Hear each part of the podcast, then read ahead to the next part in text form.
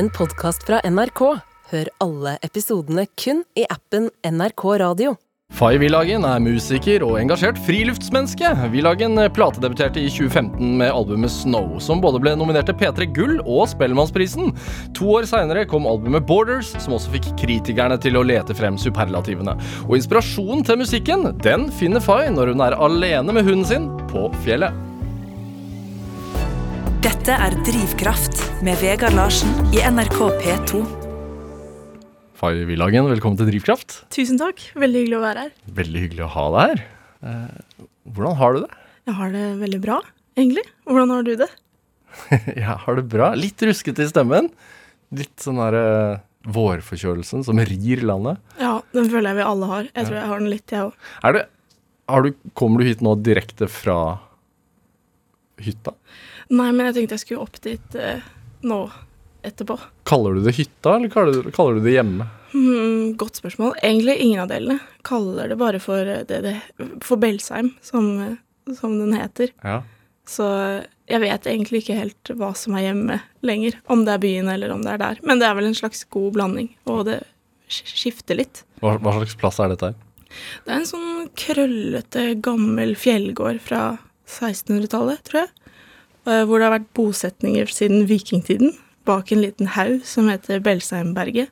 Som eh, skåner oss fra vind og vær som kommer gjennom fjellet fra Jotunheimen. Ja. Som eh, virkelig herjer over Vangsmjøset støtt og stadig. Så vi er litt sånn skjermet bak, bak en sånn, ja, et fint lite berg. Og så er det en Det er jo en tømmerplass som lukter av tjære.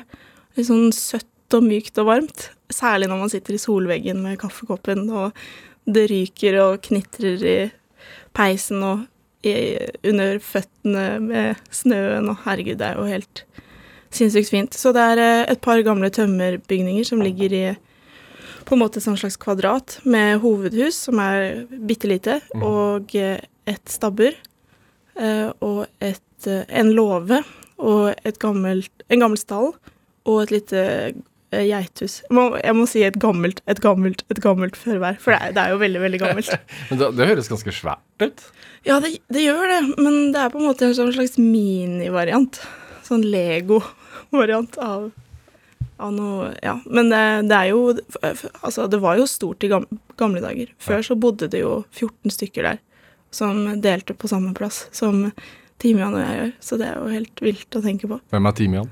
Timian, han er min beste venn, min mann i livet. Det er eh, hunden min, som er en border collie på to år. Så vi går gjennom unghundfasen sammen, og det, det er litt spennende. Hva er det for noe? Det er sånn at han prøver å Han begynner å utfordre meg litt, tror jeg, og mine grenser. Tra- Teste grensene mine. Trassalderen? Ja. Ja. Og jeg har veldig myke grenser. og er ikke noe glad i å bli sint eller sur, eller Jeg har ikke sånn derre sånn sint stemme. Så, så jeg må bare prøve å finne, finne meg selv da, Ja. på nytt i, i å være litt sånn streng hundeperson. Så Timian har litt sånn ansvar for egen oppdragelse? Ja, absolutt. Særlig i Valdres, da. Der, han er på en måte ute hele dagen, alene, som han vil. Vi går på ski ofte hver morgen. Liksom går vi en mil hver morgen først, rundt et vann og gjennom en skog og Sinnssykt fint. Kommer vi hjem, og så er han bare ute resten av dagen, mens jeg går inn og lager mat og jobber med musikken og sånn. Hvor, hvor lenge har du bodd der? Sånn uh, Mm, ja. se semifast? semifast fra kanskje sånn juli. Så det er egentlig ikke så lenge. Eller kanskje fra mai. Jeg husker ikke helt, jeg. I fjor vår en gang. Ja. Eh, Hvor langt det, er det til naboen? det er egentlig veldig kort. Fordi det var én stor gård i gamle dager, og de har alle de store husene. Som er sånn Ja, så når du drar på Folkemuseet, så er det sånn wow.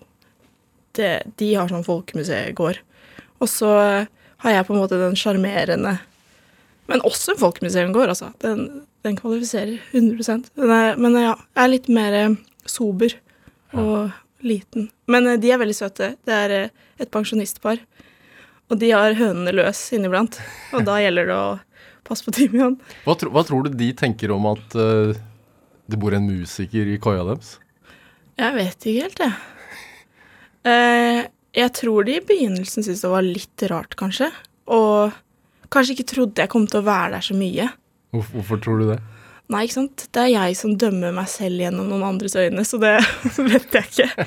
Nei, men jeg tror det er veldig lett å føle seg som litt sånn Oslo-person når man kommer til en bygd.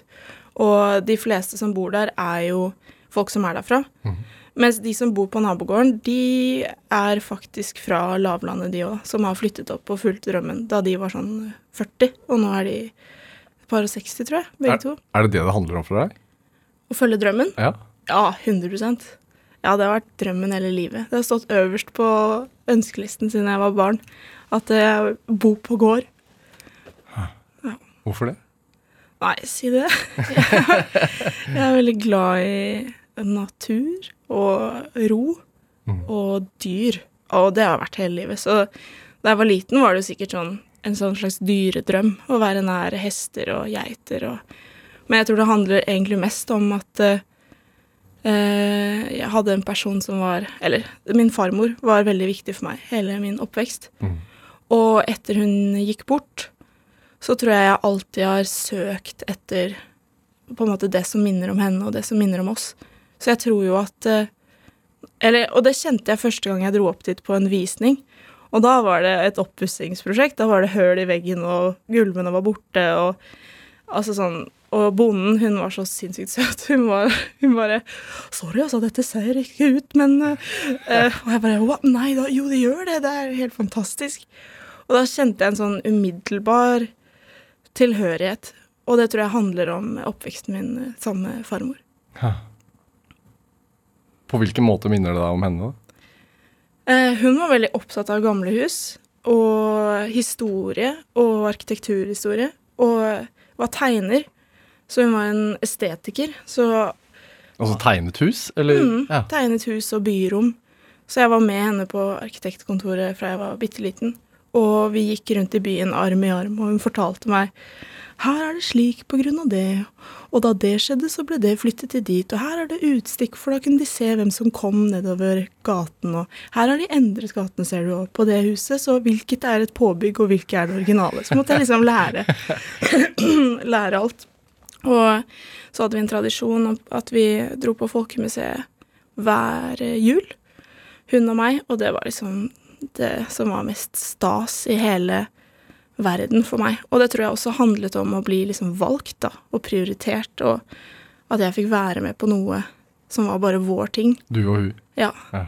Og da spiste vi lefse fra Takke, vet du, og, og vi gikk innom alle de gamle husene, og, og da fikk man jo ja, den samme kjære lukta og den samme følelsen, den tunge Ja, en sånn Det er vanskelig, men man får en sånn følelse av at uh, her har folk vært i mange hundre år før deg, Ja. og du føler deg liksom knyttet på en sånn slags historisk lenke, da, Uh, av tradisjoner og fortellinger og ja, som er litt sånn mektig. Av å sitte i sånt hus kan du liksom se for deg hva er det som har skjedd her liksom de siste eh, 500 årene. Eller hva er det som har skjedd her de siste 200 årene, eller Og det gir en sånn slags Jeg tror noen kunne blitt freaked out og syntes at det var ekkelt eller skummelt eller ubehagelig, men jeg syns det er ganske kult. Og jeg syns det er viktig å ha eh, Jeg vet ikke Ha kanskje en sånn slags tilknytningsfølelse til røtter og ja, ikke bare ta alt for gitt og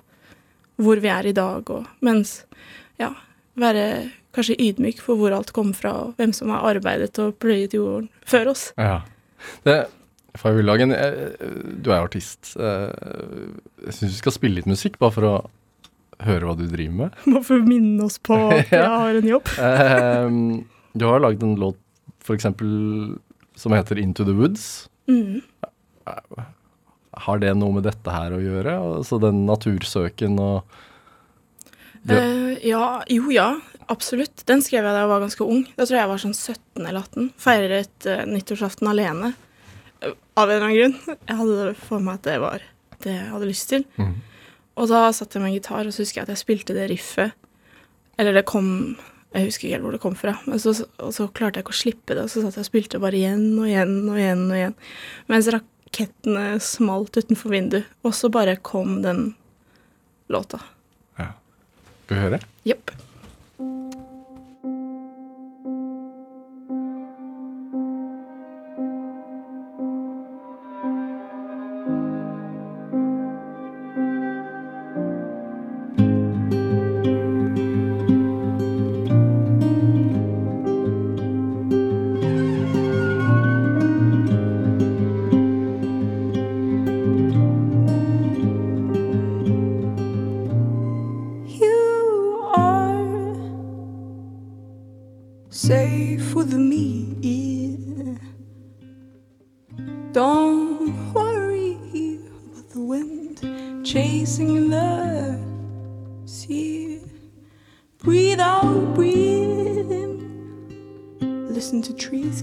By the wind.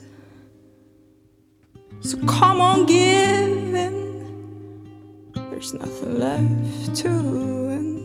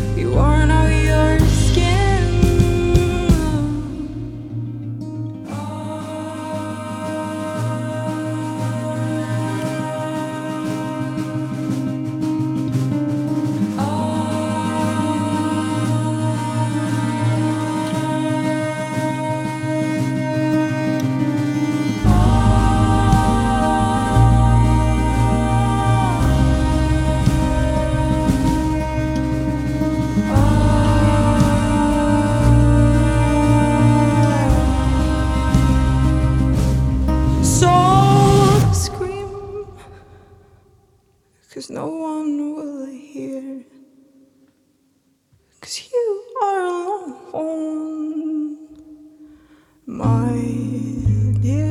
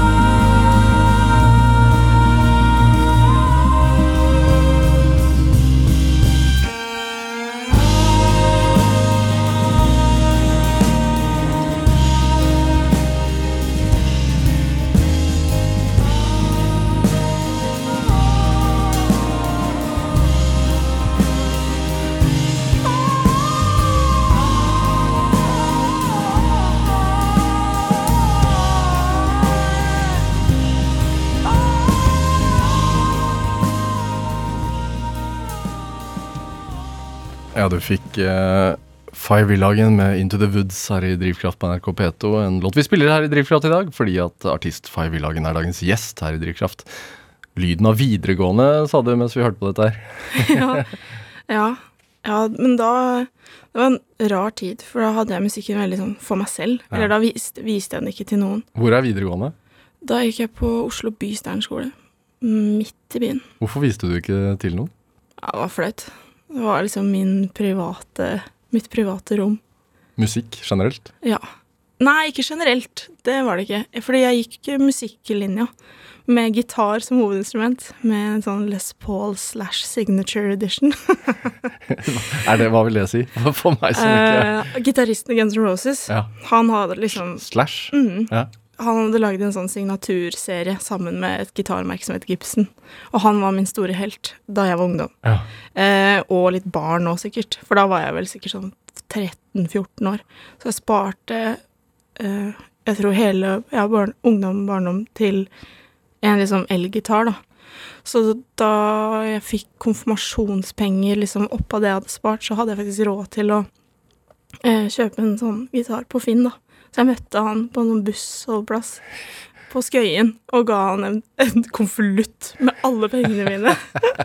og så fikk jeg en sånn gitarkasse som var sånn sort og blank, og du kunne kneppe opp alle eh, de eh, låsene, og så åpne lokk, og så lukter det sånn ny gitar. Åh, det er verdens beste lukt. Hæ. Og da Den var jeg så forsiktig med at eh, det var nesten som en sånn klenodium. Turte nesten ikke å spille på den. Ja. Men jeg gjorde det, da. Hele tiden. Og så, ja, så startet jeg på videregående med gitar som hovedinstrument.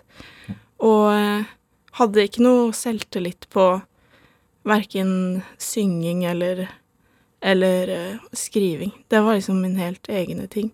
Jeg var alltid sånn alt i koret, som sto bakerst og, og sang understemmen. Hæ. Fordi at På grunn av sjenanse, rett og slett? Eller Ja, og fordi jeg var sikkert ikke så flink, jeg vet ikke. Men det var jo alltid de derre Du skrev den låten vi akkurat hørte da du var 17, da, så det, så det er ikke helt sant. Ja, men jeg vet ikke, det var Jeg, jeg tror det var liksom sånn veldig satt, sånn hierarkiet i koret og på skolen. Altså de jentene som var sånne popjenter som sto foran og skulle bli med på Idol og sånn, de var veldig sånn De var veldig tydelige på at det var det, det var dem, på en måte. De tok den plassen. Ja, og jeg hadde aldri noe behov for å ta den plassen. Så jeg Så jeg var sånn dommer og sånn, jeg. Idol-dommer. Sendte det videre til Oslo. Og var kjempefornøyd med det. Og, og aldri noe sånn sjalusi eller Det var mer det at jeg syntes de var helt rå. Altså, jeg digga de. Og jeg syntes de var modige og tøffe og Men hva var din første gitar, da? Min første gitar, det var en sånn bitte liten nylonstrengsgitar, sånn barnegitar, som jeg fikk da jeg var seks år. Og så begynte jeg kanskje på gitarkurs da jeg var sånn ti, og da husker jeg at de andre guttene mobba meg for at jeg hadde mye mindre gitar enn de, fordi jeg hadde sånn barnegitar, og de hadde voksengitar. Men så øvde jeg dobbelt så mye som de, og ble dobbelt så god som de. På, Så, på grunn av det? Uh, nei, det tror jeg egentlig ikke. Jeg tror bare fordi jeg hadde kick på gitar, og de var sendt dit av moren og faren sin, mens jeg ville dit selv. Så ja, det var vel en forskjell der. Så det ble til at de kompa meg, da. Med sine voksengitarer, og jeg spilte solo på min barnegitar. Hvor, hvor kommer denne interessen fra i utgangspunktet? Mm, eh, jeg vet egentlig ikke. Eh, Altså, det er vanskelig å si hvor på en måte lidenskap og eh, interesse kommer fra. Men, eh, men kjæresten til mamma, eller kjæresten som mamma hadde da jeg var sånn opptil sju år, han, eh, han het Stig, og han var helt sinnssykt kul. Han hadde sånn langt, krøllete hår og skjegg og var sånn rocker. Kjørte motorsykkel og spilte gitar. Og han var bare det ultimate Altså den ultimate helten. Så eh, da jeg var liten, så husker jeg at han spilte Kunne liksom De sangene jeg likte på CD eller på radioen, kunne han liksom spille i virkeligheten foran meg på sin gitar. Og det var vel min første Mitt første møte med livemusikk, på en måte. Og det husker jeg som en helt magisk opplevelse. Jeg kan nesten huske øyeblikket, at jeg satt på sengen, og at han hadde printet ut sånne blekker med tekst og, og akkorder til selvfølgelig da Westlife. You are my fire Og alt, alle de der. Så Coast to Coast, herregud. Husker du den? So I say a little prayer. Have my dreams to take me there. ja.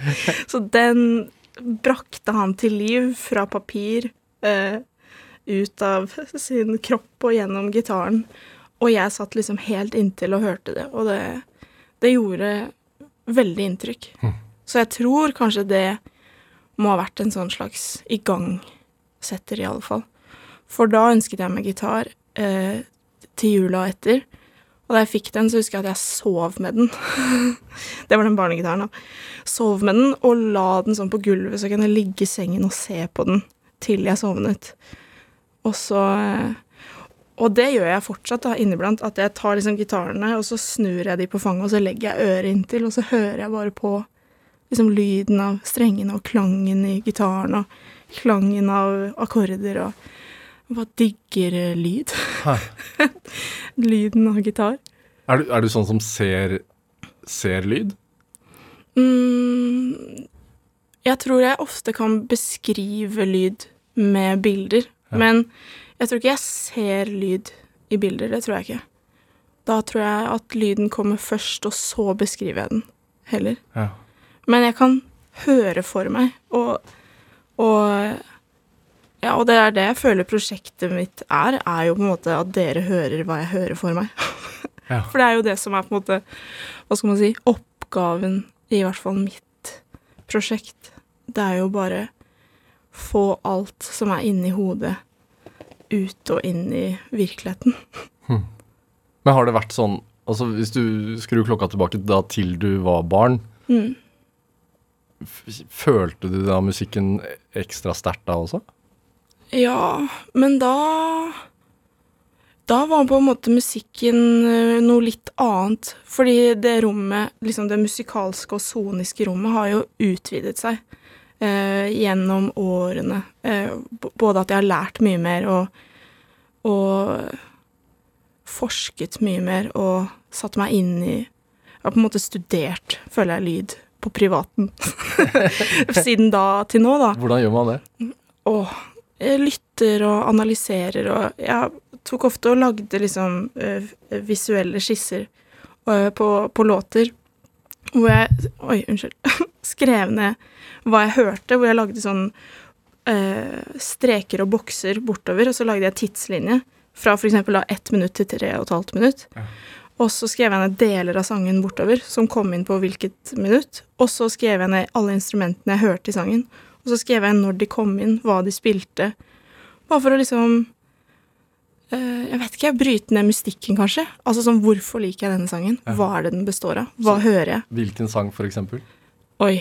For eksempel eh, så husker jeg at jeg gjorde det med en av Big Bang sine låter, Isabel. Det husker jeg. Eh, og det husker jeg at jeg gjorde på, på skolen. Og Altså du fant på ditt eget noteark? på en måte, ja. Ja. Og, og det hadde ikke de på skolen sett før, de lærerne, men de, de skjønte systemet, da. Og jeg tror det liksom var gjennom et fag som het musikkanalyse. Ja.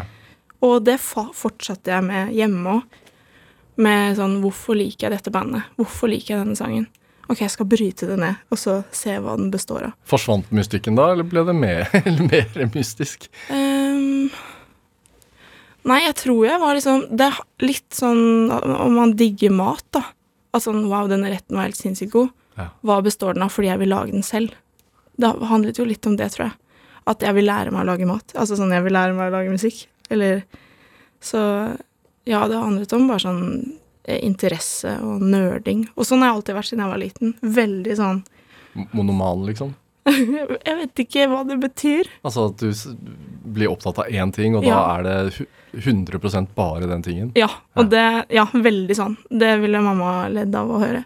Jeg var altså sånn, jeg kunne ha dilla på hunder. Ja. Og så lærte jeg meg 70 hunderaser. Gikk på sånn hundetreff og møtte hunder. Og jeg hadde ikke hund selv, for eksempel.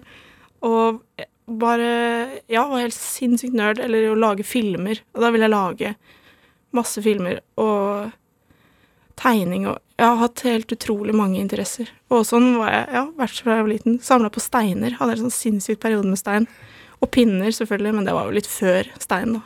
Pinnealderen kom før steinalderen. men eh, Men hva skjer, hvordan, hvordan føler altså når du finner en sånn ting Mm. som du liker, hunderaser f.eks., eller musikken, da hvor, Hvordan oppleves det, siden, man, siden du blir monoman, altså at du, at du går så inn i det?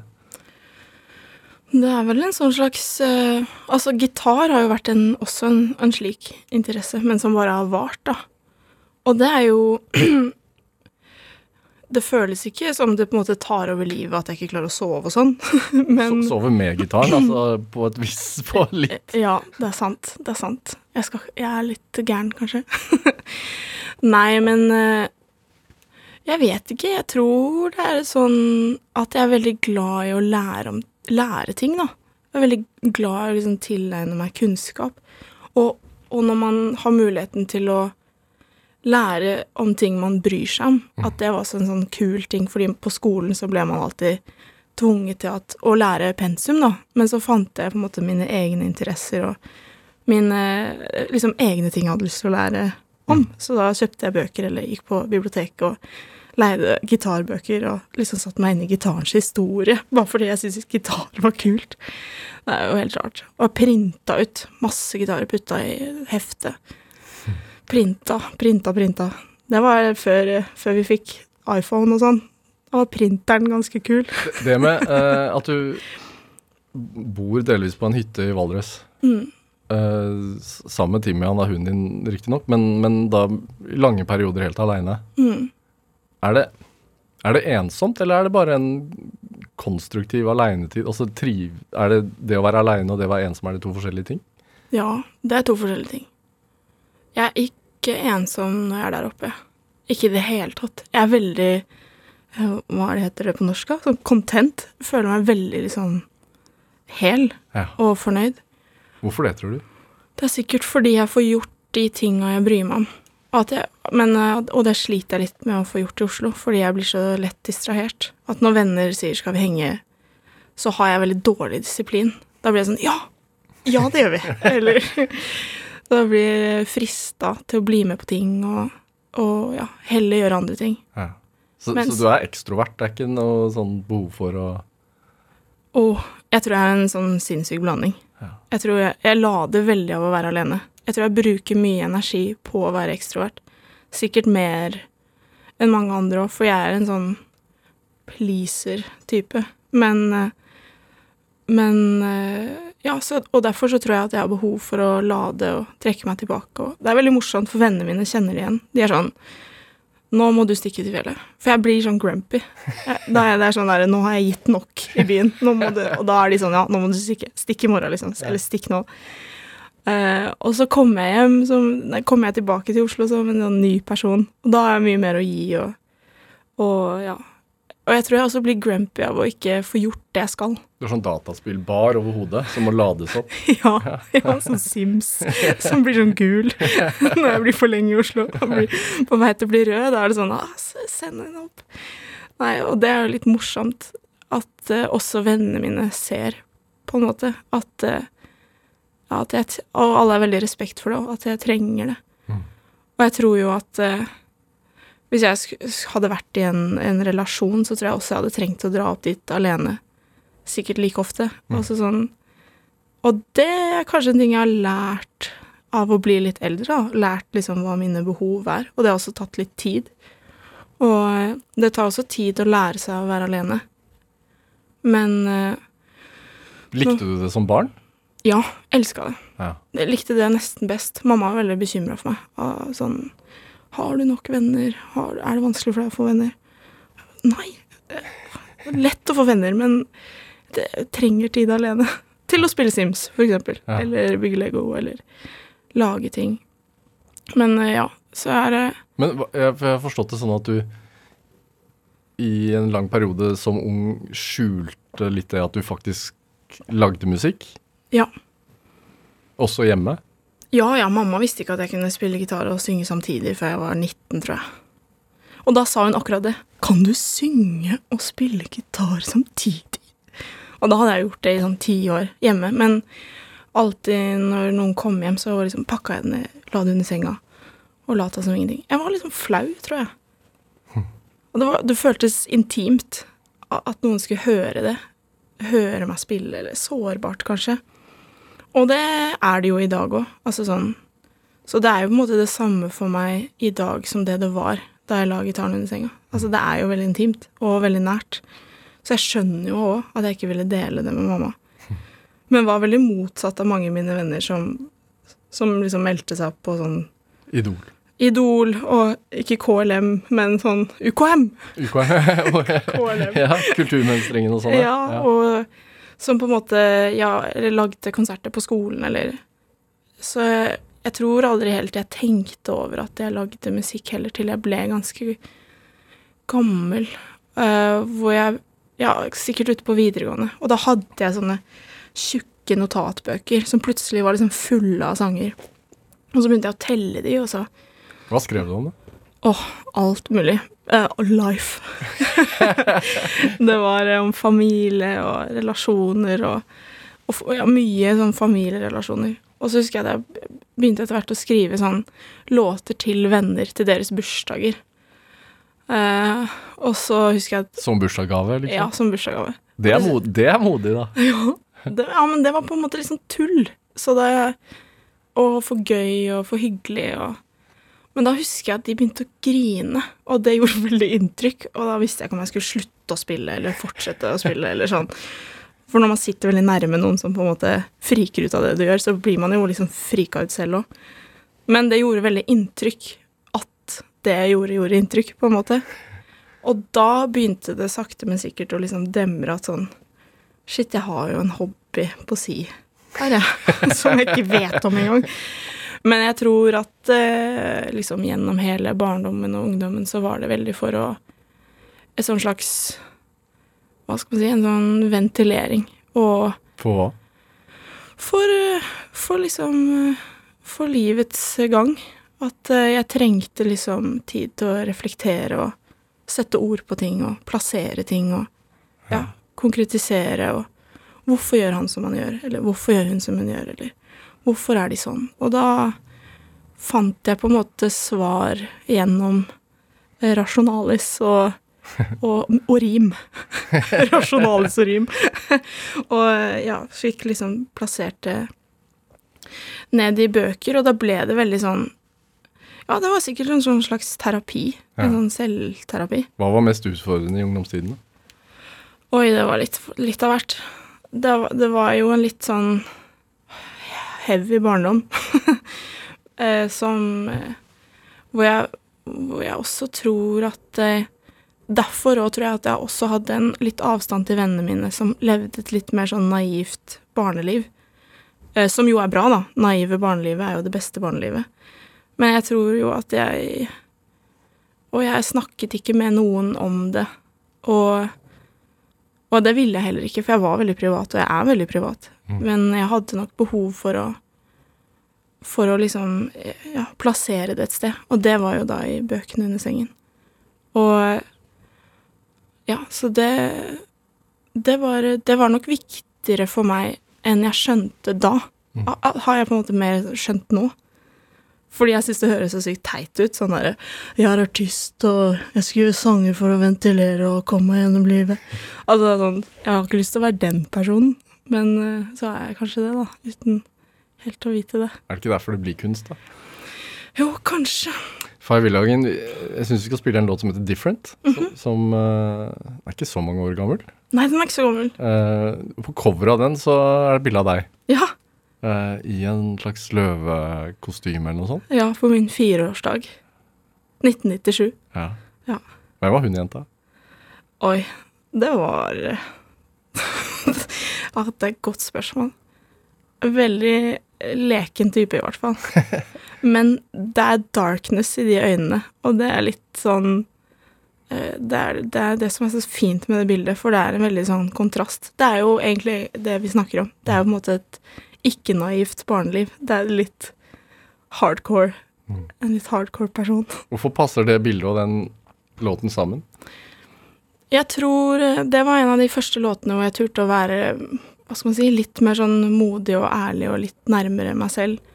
Eh, alle låtene opp til da har jo vært veldig preget av metaforer, og hvor jeg har skrevet om mye som er på en måte litt utenfor meg selv.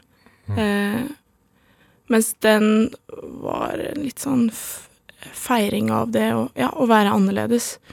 Og på det bildet så syns jeg jo at eh, jeg absolutt skiller meg ut fra gjengen som er i bakgrunnen på det bildet. Fordi jeg var jo ja, den eneste i da løvkostyme. Og, og jeg var en Jeg likte Jeg var veldig glad i å leke. Jeg husker da jeg ble sånn 13-14 og folk begynte å konfirmere seg, sånn, så, jeg, så gråt jeg masse, for da tenkte jeg at nå er barndommen over. For jeg skulle gjerne fortsatt Ja. i, i løvekostyme litt til.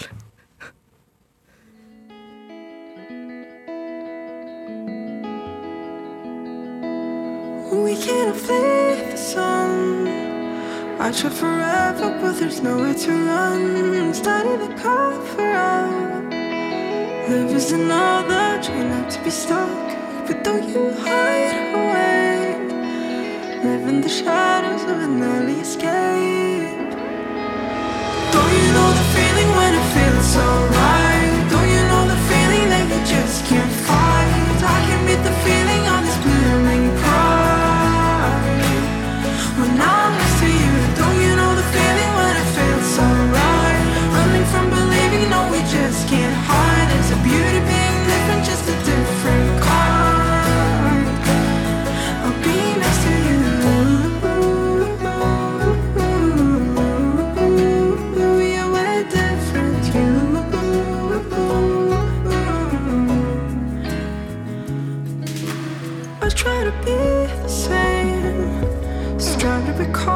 a place in the game, but I've been asleep too long. My heart missed a beat to my favorite songs, and I watch the days slip away. Like sand through my fingers, but along the way, and we're still moving on. When there's no place to be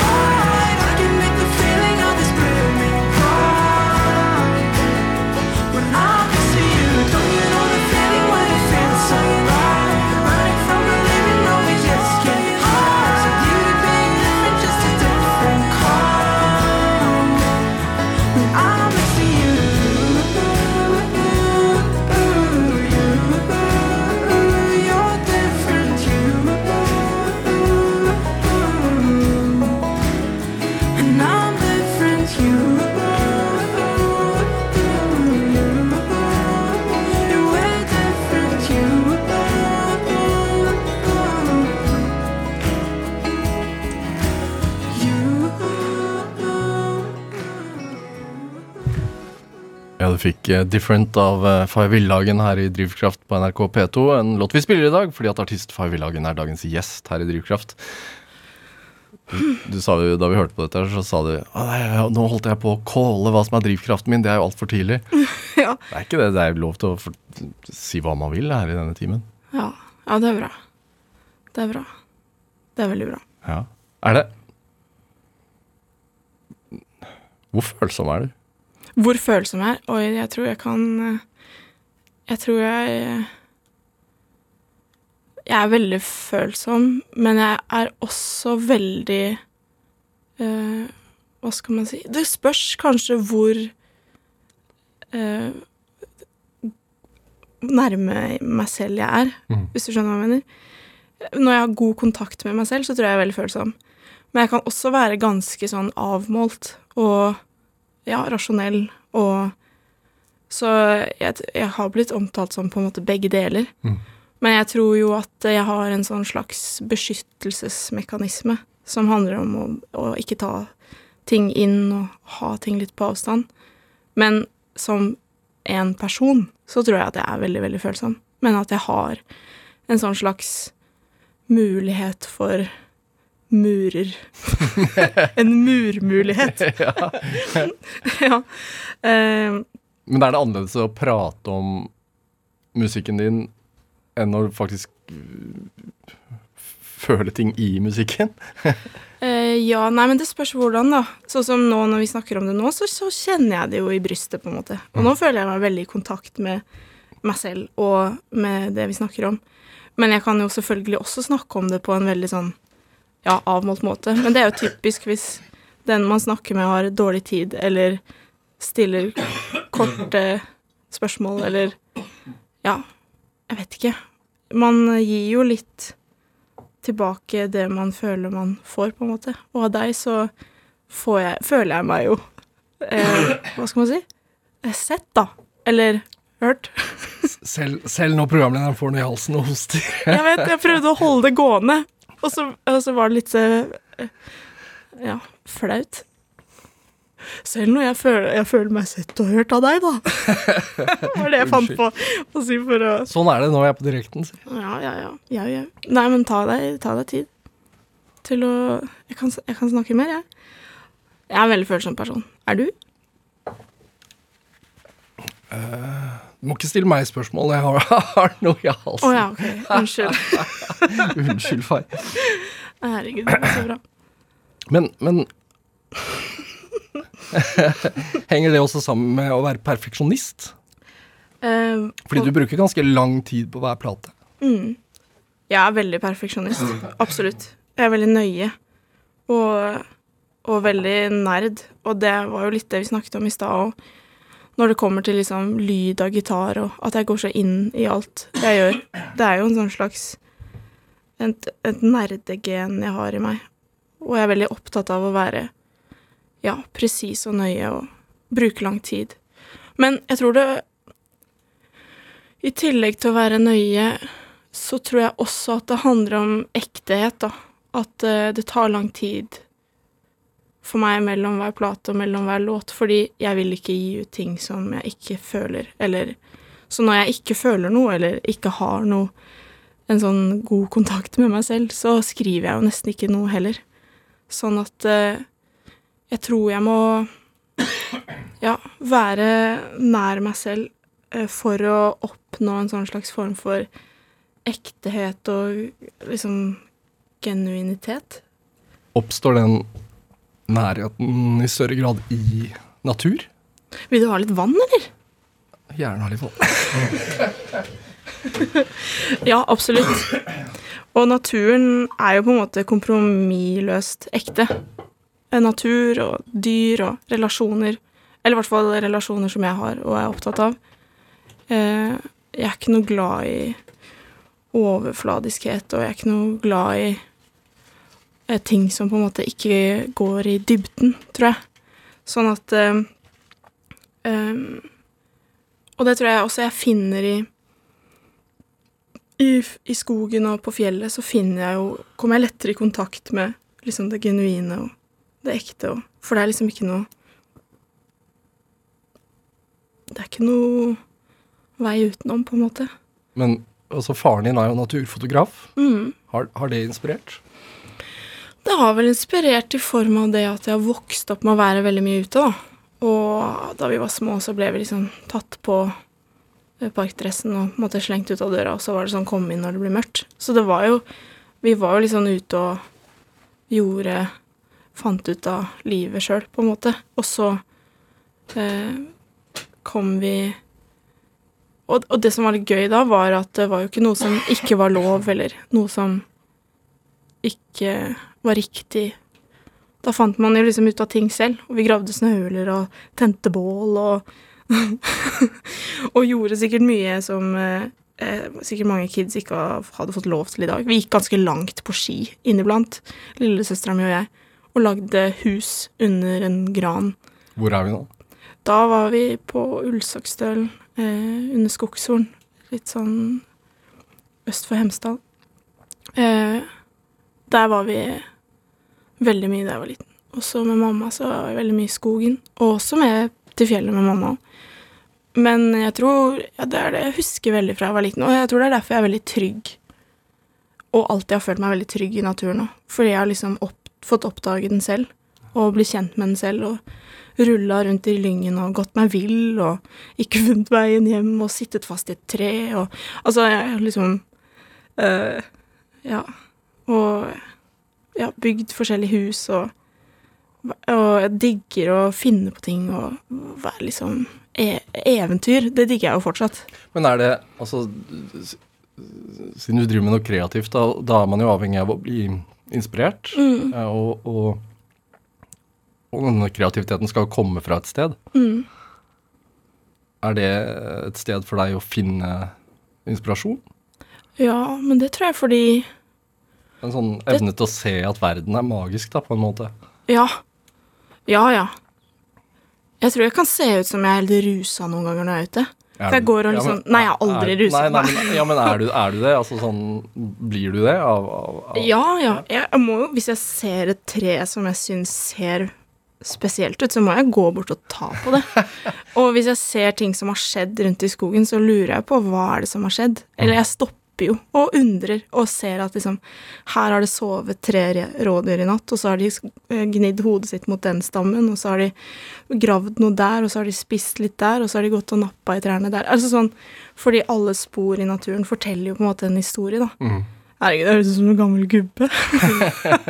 Men Eller du kan se hvis, ja, hvis det ligger masse rot plutselig, så, så ser du opp, og så kan du se at her har det sittet liksom et ekorn Mm. som har skrelt fire kongler, eller liksom Det er sånn Ja, sånn undrende nysgjerrighet. Det har jeg alltid hatt siden jeg var liten. Og Og, og det, det det, altså sånn, det fyller meg jo veldig når jeg går på ski alene i Valdres, eksempel, så kjeder jeg meg jo ikke et sekund.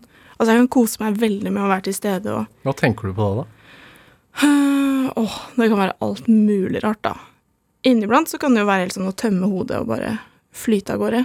Og andre ganger så kan det være veldig eh, Hvis det har skjedd mye i skogen, så er det gøy å se. Og så er det gøy å se skogen eh, fra dag til dag, da. Alle forskjellene. Mm.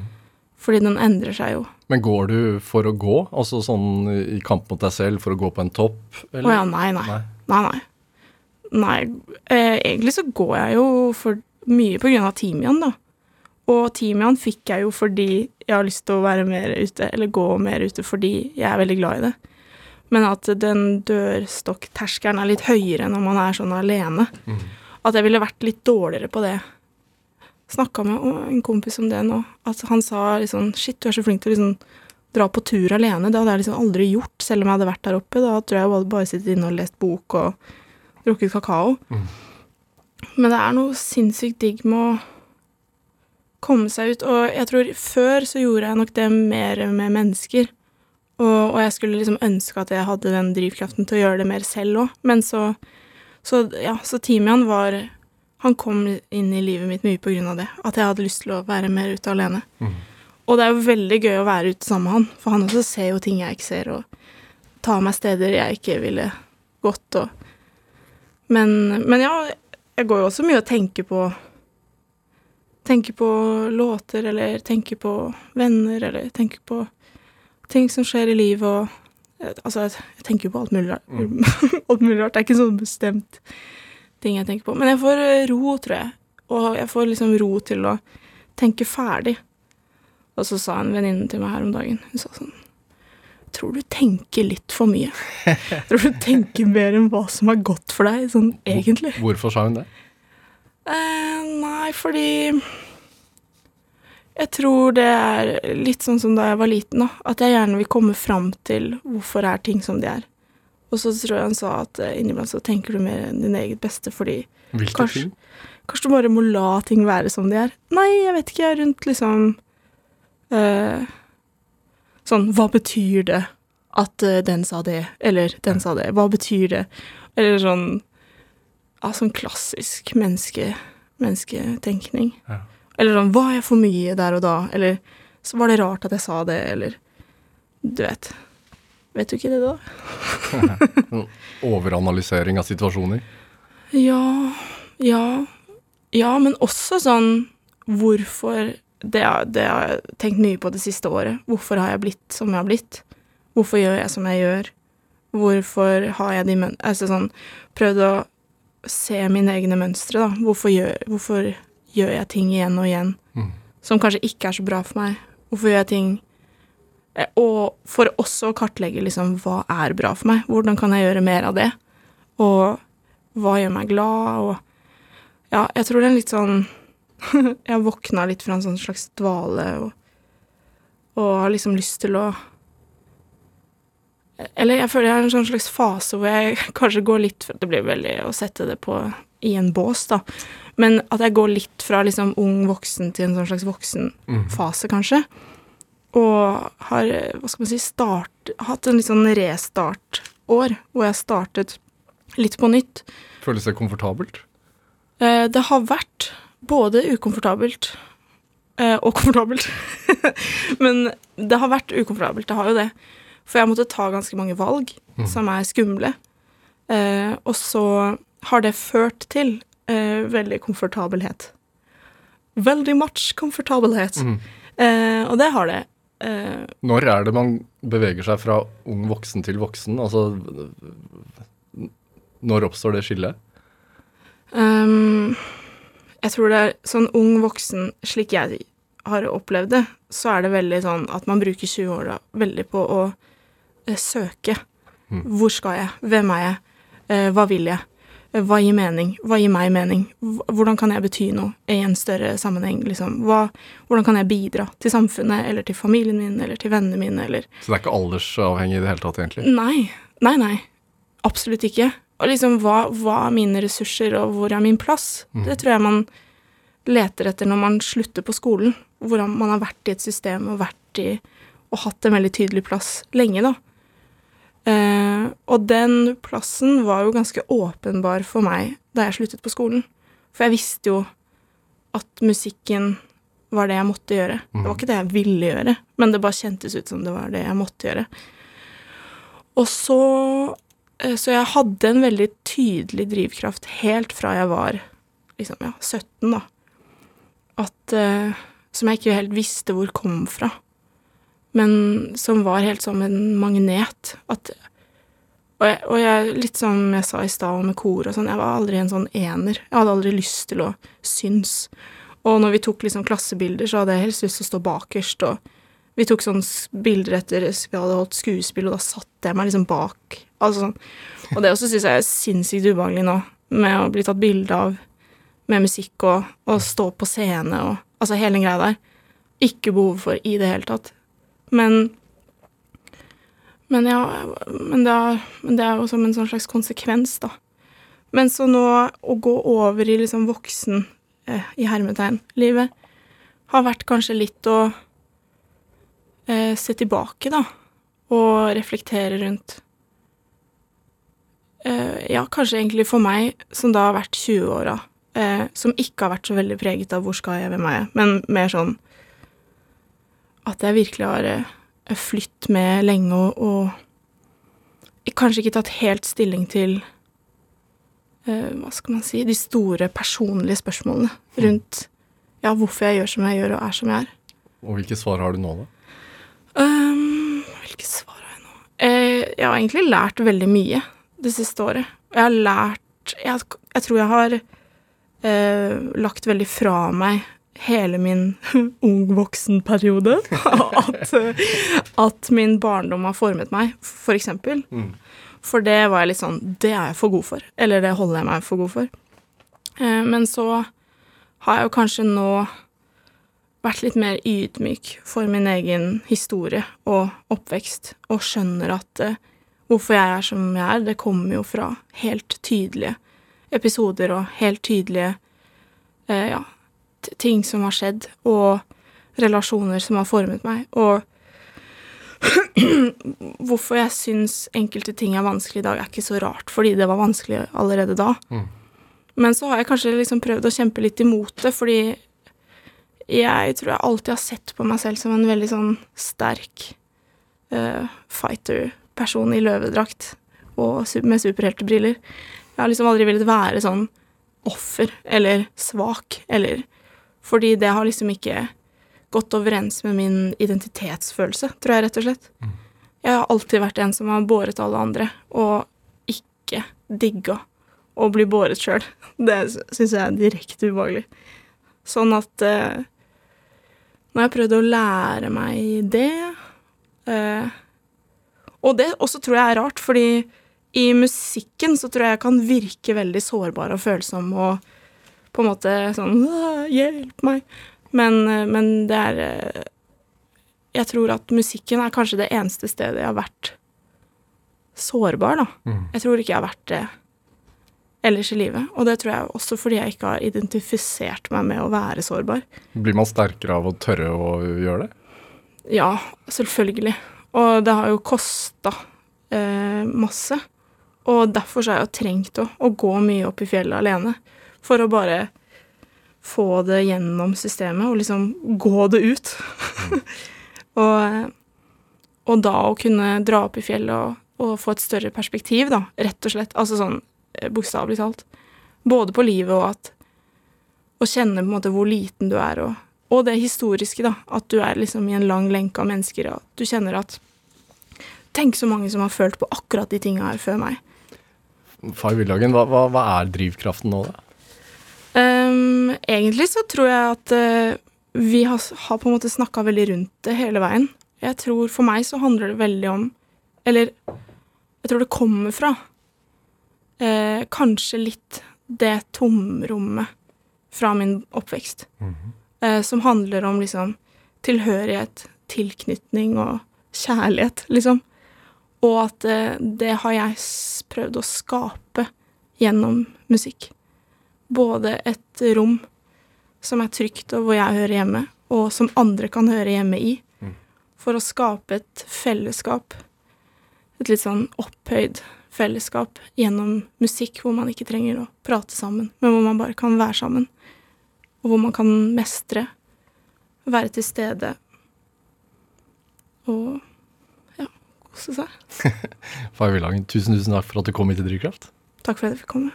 Hør eh, flere samtaler i Drivkraft på nrk.no, eller i appen NRK Radio. Produsent i dag det var Kjartan Aarsand, mens eh, Olav Tessem Widsvang bidro med research til denne sendinga. Dette var Drivkraft. Jeg heter eh, Vega Larsen. Vi høres. Du har hørt en podkast fra NRK. Hør alle episodene kun i appen NRK Radio. En podkast fra NRK. Det er mange måter folk møtes på, og kjærligheten den kommer når du minst venter det. Vi var i loke. Altså sånn utedo på sånn festivalrom? Ja, utrolig romantisk. Møt sterke personligheter og deres store kjærlighet. Det møtet var jo litt spess. Liksom. Hvordan møttes dere? Interessante, rørende og nydelige historier om det første møtet. Hvordan møttes dere? Hør alle episodene kun i appen NRK Radio.